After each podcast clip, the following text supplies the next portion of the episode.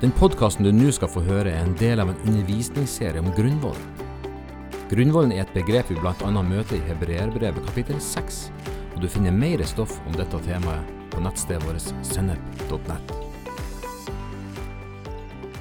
Emnet for denne leksjonen er tro på Gud. Tro henger naturlig sammen med omvendelse fra døde gjerninger, som vi så på i forrige leksjon.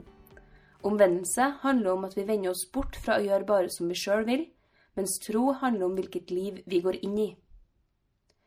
Tro er helt grunnleggende i vårt forhold til Gud. Tro er måten Gud ønsker at vi skal forholde oss til Han på. Det å være en kristen er å være en troende. Helt fra pinsedag, hvor den første menighet ble danna, ble etterfølgerne av Jesus omtalt som troende. Også i vår tid er det her med tro og religiøsitet noe som det er stor interesse for rundt omkring i samfunnet. Sjøl 200 år etter at han levde, er vitnesbyrdet om Hans Nilsen Hauges tro noe som opptar norske ledelses- og organisasjonsforskere. Hans tro utfordra presters og embetsmenns makt og posisjon. Hans tro førte folk ut fra fattigdom og umoral og over til et liv hvor flittighet, arbeidsmoral og nyskapning prega lokalsamfunn rundt omkring i hele Norge. Han er bare én av mange kjente kristne personer som har hatt et sterkt vitnesbyrd for sin tro. Så dette er et tema vi bør ha stor interesse av å vite mer om. Hva innebærer det å leve et liv i tro? Og hva er forskjellen mellom å være troende og det å være religiøs?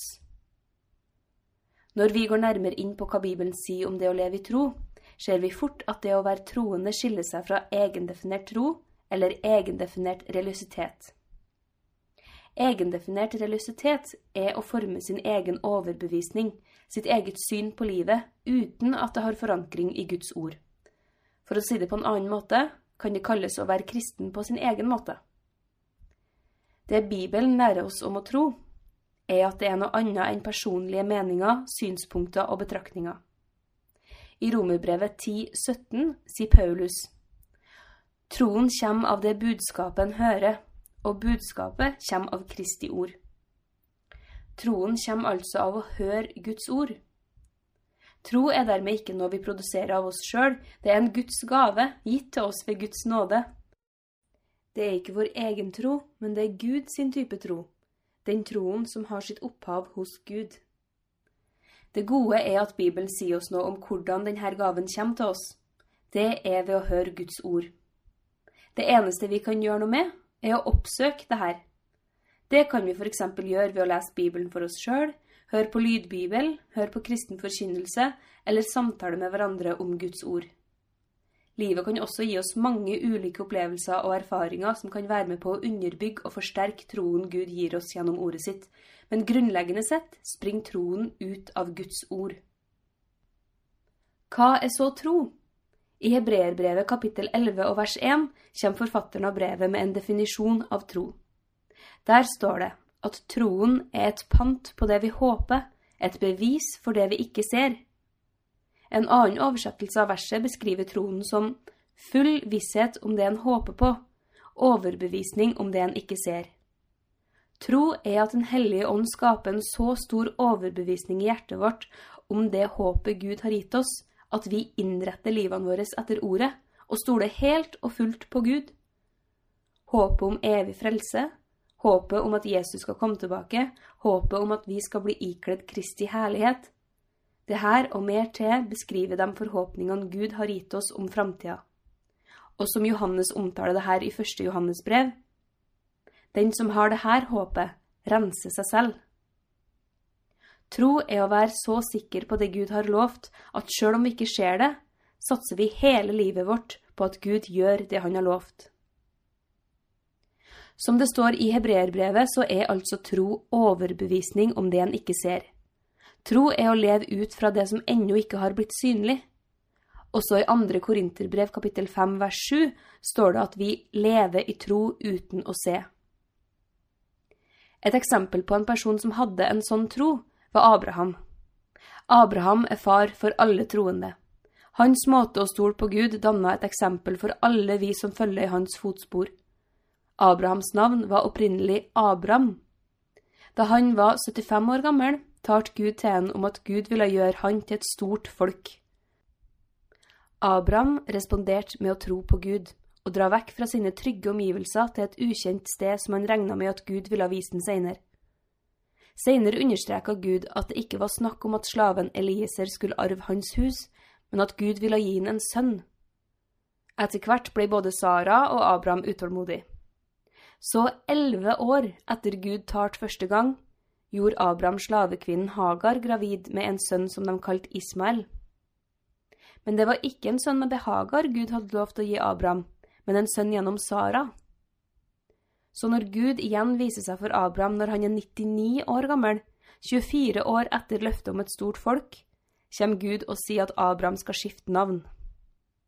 I møte med omverdenen skal han heretter kalle seg Abraham, som betyr far til stor mengde. Uten ett eneste barn med sin kone skulle altså Abraham kalle seg far til mange. Sjøl om han reagerte med noen innvendinger til å begynne med, tok Abraham det nye navnet til seg, og ett år seinere var løftessønnen Isak født. Abraham var altså en som levde ut fra noe som ennå ikke var blitt synlig for omverdenen, men som kun var godkjent og kvittert ut i Herrens råd i himmelen, og som var på vei til å bli virkelig på jorda. Og da Isak, mot alle odds, ble født med foreldre langt forbi overgangsalderen, ble troens forventninger innfridd. Noah er et annet eksempel. Han bygde en båt langt inn på land, i påvente av en kommende dom ingen andre i omverdenen trodde skulle skje. I ettertid ser vi jo selvfølgelig at Noah fikk rett i sin tro, men bare forestill deg hvordan det var for Noah å gå i gang med å bygge en kjempestor båt langt inn på land. En båt som umulig kunne sjøsettes uten at det kom en gigantflom og fikk båten til å flyte. Han hadde nok både velmenende venner som prøvde å få han på bedre tanker, og sarkastiske kompiser som harselerte med at han måtte være gal. At Noahs båtbyggerprosjekt var snakkisen på bygda, er lett å se for seg. Men Noah brydde seg ingenting om andres meninger, og han la ikke ned prosjektet. Noah var fullt overbevist om at Gud hadde fortalt ham hva han skulle gjøre for å unnslippe den kommende dommen. Hans tro ble en dom over verden som skilte rettferdige fra de urettferdige. Tro er altså å bygge livet sitt på de forhåpningene Gud har gitt oss i ordet sitt. Med andre ord, tro er å være lydig mot Herren Jesus.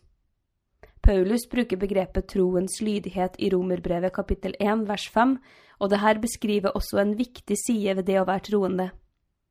Tro er altså ikke en hvilken som helst overbevisning. Den troa som kommer fra Gud, er ikke forestillinger og oppfatninger vi lager på egen hånd.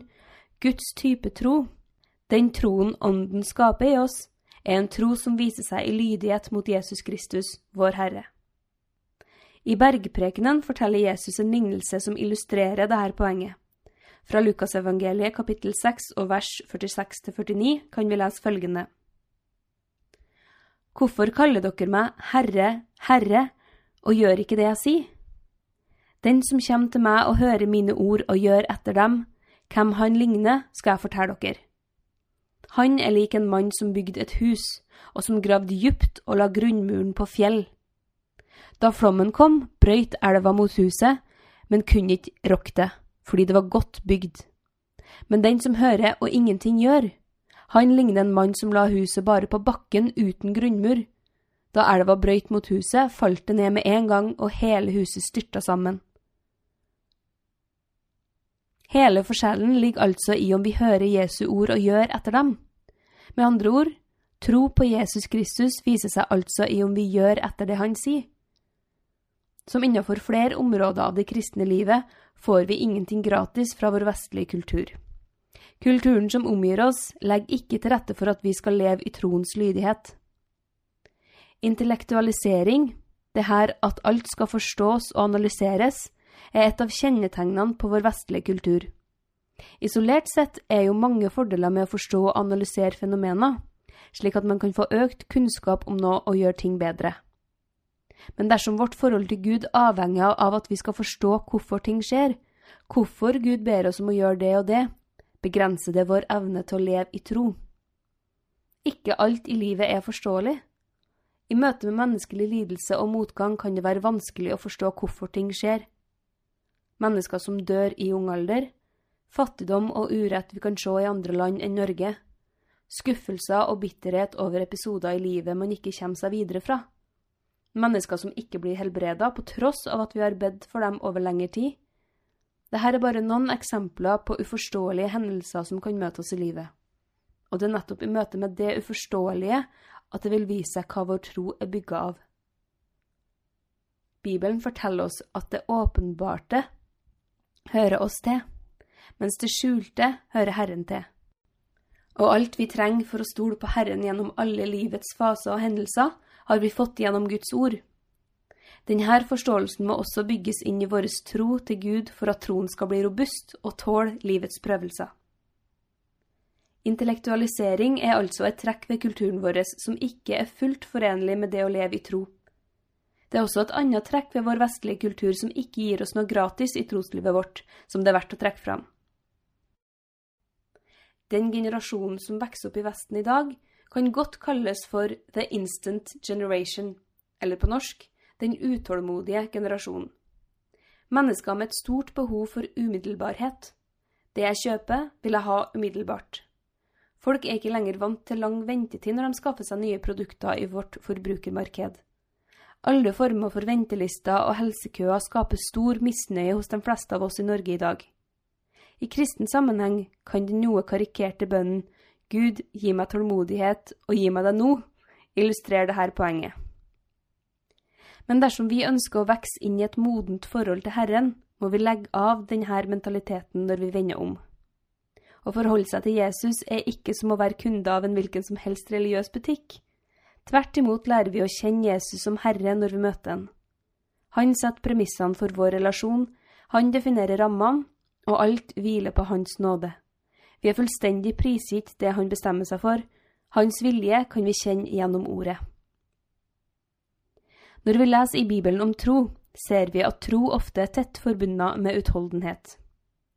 Tro er noe som krever tålmodighet av oss. I Hebreerbrevet kapittel 6 og vers 12 står det at vi må ha dem til forbilde som på grunn av tro og utholdenhet arva det som Gud har lova. Vi nevnte tidligere Abraham som et eksempel på det å leve i tro. Abraham måtte vente i 25 år før løftet om Isak ble oppfylt. Moses måtte bo 40 år hos sin svigerfar før han kunne stå fram som leder for israelsfolket. Josef måtte gå omveien om bortføring, fengsel og slaveri før Gud etter hvert oppfylte drømmen han fikk som ung mann. Gikk det her for tregt fordi Gud hadde problemer med å svare så raskt som vi forventer? Skjedde det sånn her fordi Gud måtte tenke seg om og finne den beste løsningen? Nei, sånn er det selvfølgelig ikke. Et avsnitt i første Peters brev kapittel 1 setter oss på sporet av hva det her egentlig handler om. I vers 6 og 7 ser vi at troa vår blir prøvd i mange slags prøvelser. Denne troa, som er mye mer verd enn gull, må også prøves for at den kan bli til pris og ære for oss når Jesus kommer tilbake. Gjennom et langt liv vil troa vår få prøvd seg på mange ulike situasjoner. Både medgang og motgang vil komme i ulike porsjoner til ulike tider for alle sammen.